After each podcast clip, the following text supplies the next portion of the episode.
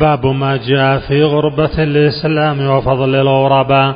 وقول الله تعالى فلولا كان من القرون من قبلكم أولو بقية أولو بقية ينهون عن الفساد في الأرض إلا قليلا ممن أنجينا منهم.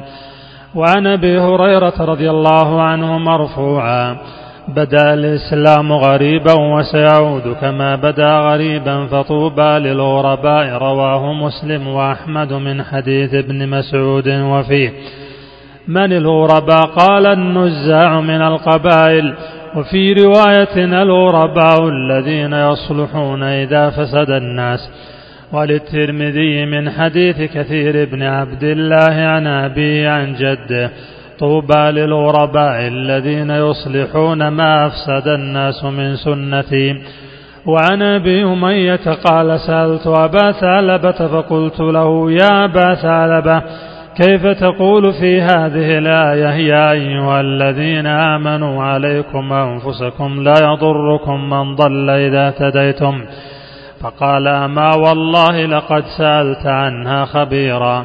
سألت عنها رسول الله صلى الله عليه وسلم فقال فقال بل ائتمروا بالمعروف وتناووا عن المنكر حتى إذا رأيتم شحا مطاعا وهوى متبعا ودنيا موثرة ودنيا موثرة وإعجاب كل ذي رأي برأيه. فعليك بخاصة نفسك ودع عنك العوام فإن من ورائكم أياما الصابر فيهن كالقابض على الجمر للعامل فيهن مثل أجر خمسين رجلا يعملون مثل عملكم. قلنا منا أم منهم قال بل منكم رواه أبو داود والترمذي. وروى ابن وضاح معناه من حديث ابن عمر رضي الله عنه ولفظه إن بعدكم أياما الصابر فيها المتمسك بمثل ما أنتم عليه اليوم. له أجر خمسين منكم. قيل يا رسول الله منهم؟ قال بل منكم. ثم قال أنبانا محمد بن سعيد. قال أنبانا أسد. قال قال سفيان بن عيينة عن أسلم البصري. عن سعيد أخي الحسن يرفعه قلت لسفيان عن النبي صلى الله عليه وسلم قال نعم.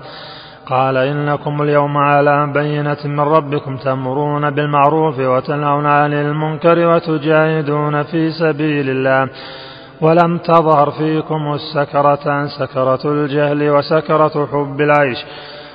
وستحولون عن ذلك فلا تمرون بالمعروف ولا تنهون عن المنكر ولا تجاهدون في الله. وتظهر فيكم السكرتان فالمتمسك يومئذ بالكتاب والسنة له أجر خمسين.